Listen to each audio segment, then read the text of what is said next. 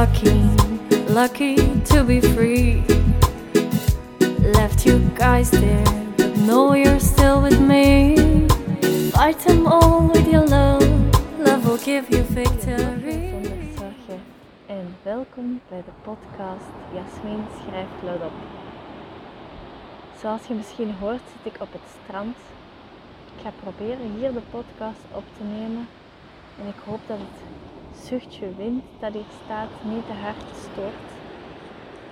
En ik hoop ook vooral dat de golven een extra dimensie geven aan deze podcast en dat je mee kunt genieten van het geluid van de oceaan op de achtergrond. Ik neem deze podcast nu op omdat ik net een gesprek had met een lezeres waarin dat zij eigenlijk zei ik vind het zo mooi dat je je dromen najaagt. Ik zou niet eens weten wat mijn dromen zijn. En toen dacht ik, wauw. Misschien zijn er nog wel zo mensen die niet meer weten. Of die geen. Nee, zo zei ze het eigenlijk niet. Ze zei, ik heb geen dromen. En toen dacht ik, nee. dat kan niet. En toen heb ik haar uh, ook een paar inzichten gegeven. Waardoor dat ze eigenlijk op het einde zoiets had van, ah ja, oké, daar kan ik wel iets mee. Dus dacht ik, daar gaan sowieso nog heel veel meer lezers of luisteraars iets aan hebben.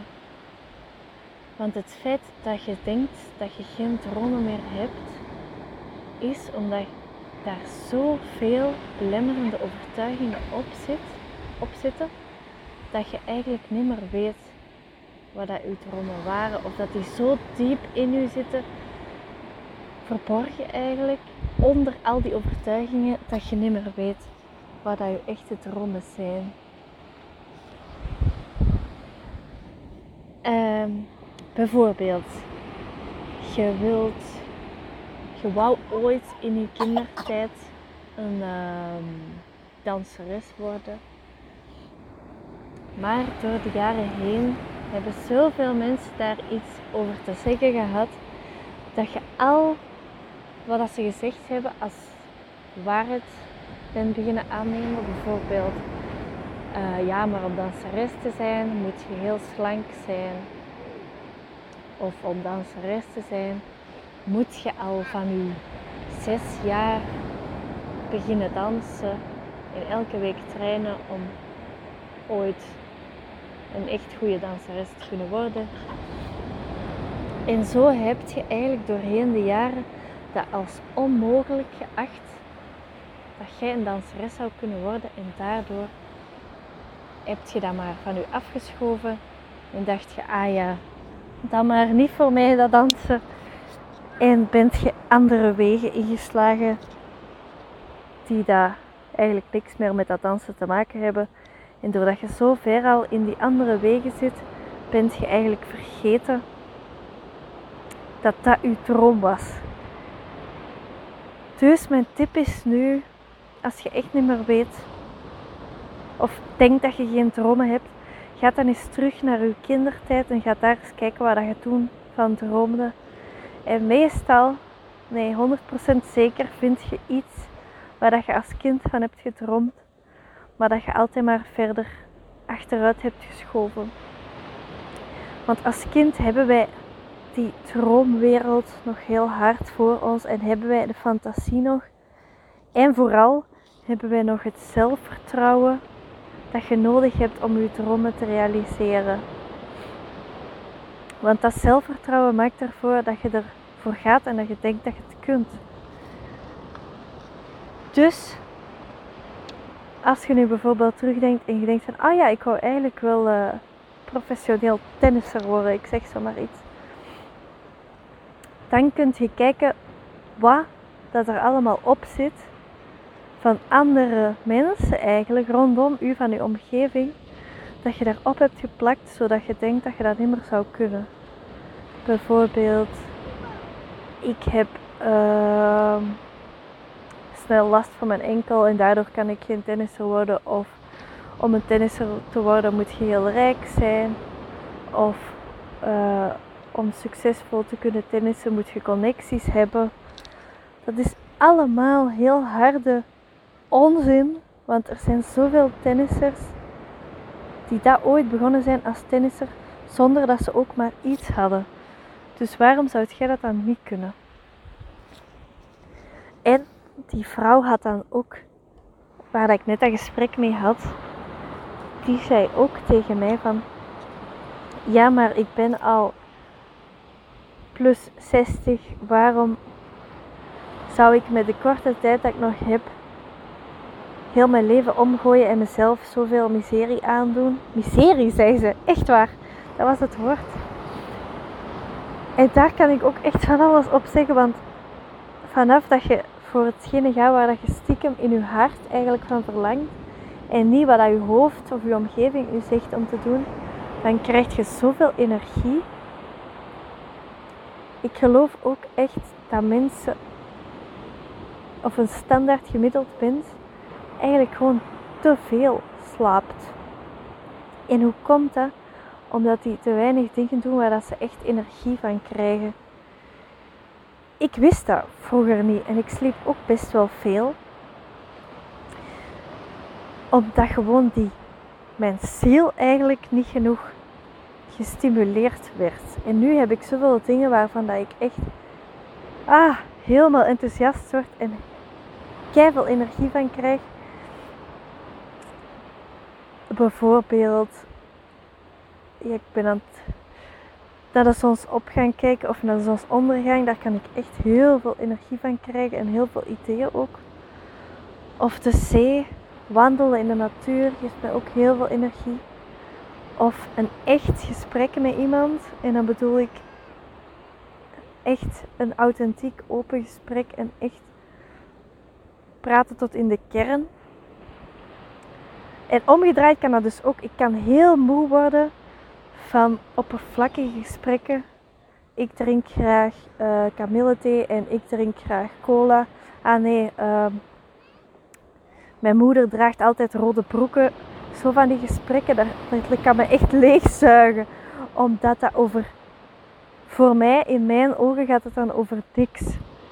Dan denk ik, ja, wat draagt dat nu bij aan ons? Dat, het is die verbinding, denk ik, dat ik dan mis. Dan verbind je op zo'n um, lichte manier dat mij dat niet verder brengt. En zo ook leven in een drukke stad en heel ver weg van de natuur, daar word ik ook echt, dat zuigt mij helemaal leeg. Oké, een paar dagen niet erg, maar echt wonen zou ik nooit meer kunnen. Vaak is het ook makkelijker om dan te kijken naar uh, wat zuigt mij leeg, dan wat vult mij op. Omdat ik denk als je daar zit, dat je niet meer weet waar je van droomt. Dan zit je al in een soort van depressievere spiraal. En ik denk dat het dan makkelijker is om te kijken waar krijg ik geen energie van en waar word ik moe van. En dan het tegenovergestelde te pakken. Bijvoorbeeld, zoals ik net zei, dat je moe wordt van in een stad met druk verkeer. Dan weet je dat je energie gaat krijgen van op een plek te wonen waar je dicht bij de natuur staat en waar dat alles ja, meer geconnecteerd is met jezelf dan in die stad. Ik denk dat dit een hele korte podcast gaat worden, omdat ik uh, ja, het belangrijkste eigenlijk al helemaal in het begin heb gezegd. Dus nog even voor als je niet hebt opgelet in het begin. Uw dromen heb je altijd. Altijd. Je kunt niet geen dromen hebben. Dat is hetzelfde als bestaan zonder iets te verlangen. Je verlangt altijd diep van binnen iets. En om terug tot dat verlangen te komen, kun je dingen doen waar dat je energie van krijgt. Dat is één eigenlijk. Op zoek gaan naar dingen waar dat je van tot leven komt. En twee, terugdenken aan je kindertijd of aan een tijd waar dat je eigenlijk vol zelfvertrouwen in het leven stond en het leven u toelachte, wat waren toen de dingen waar dat je toen echt van droomde? En als je die twee combineert, teruggaan naar uw kindertijddromen en dingen doen die dat u energie geven, dan hand op mijn hart, dan gaat jij terug bij uw dromen komen. En dan gaat alles terug uh, in een gestroomlijnde baan komen, om het zo maar te zeggen. En dat maakt niet uit dat je dan 60 bent, of 12, of zelfs 70. Hoe mooi is het dat je die laatste 20 of 30 jaar van je leven dan helemaal gelukkig kunt leven zonder die verwachtingen van anderen waar dat je heel je leven aan hebt proberen te voldoen, dan heb je nog 20 of 30 jaar in volledige vrijheid. Hè? Het is niet omdat je 60 bent dat het al voorbij is. Het is omdat je 60 bent dat het nu kan beginnen.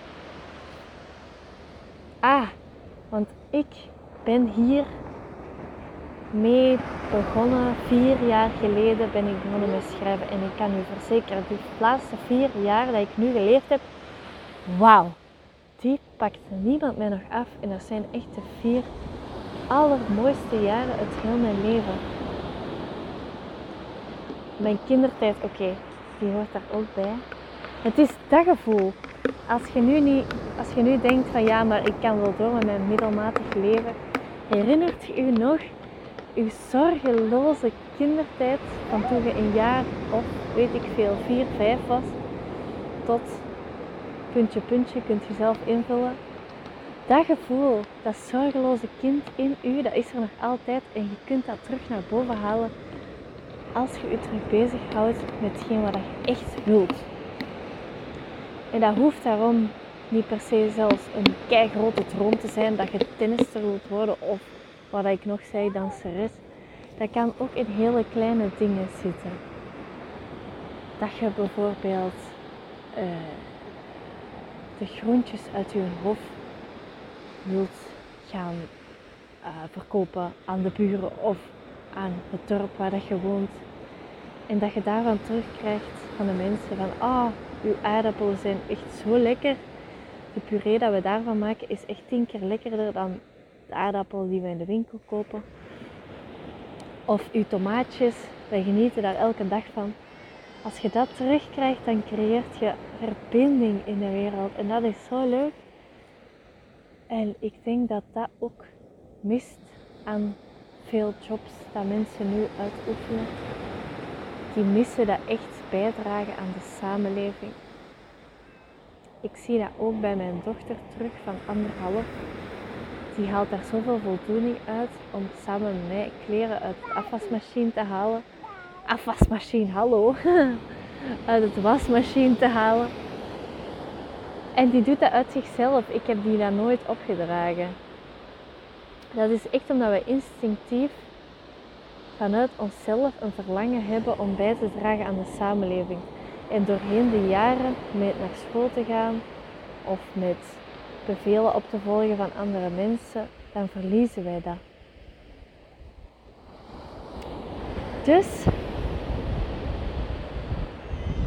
ik hoop dat er heel veel mensen iets aan deze podcast hebben gehad. En als het ook maar één iemand is, dan was het waard om hier bijna 15 minuten tegen mezelf te liggen praten. Geniet van uw verder verloop van uw dag of anders van uw goede nachtrust. En dan spreek ik jullie een volgende keer. Dankjewel voor het luisteren.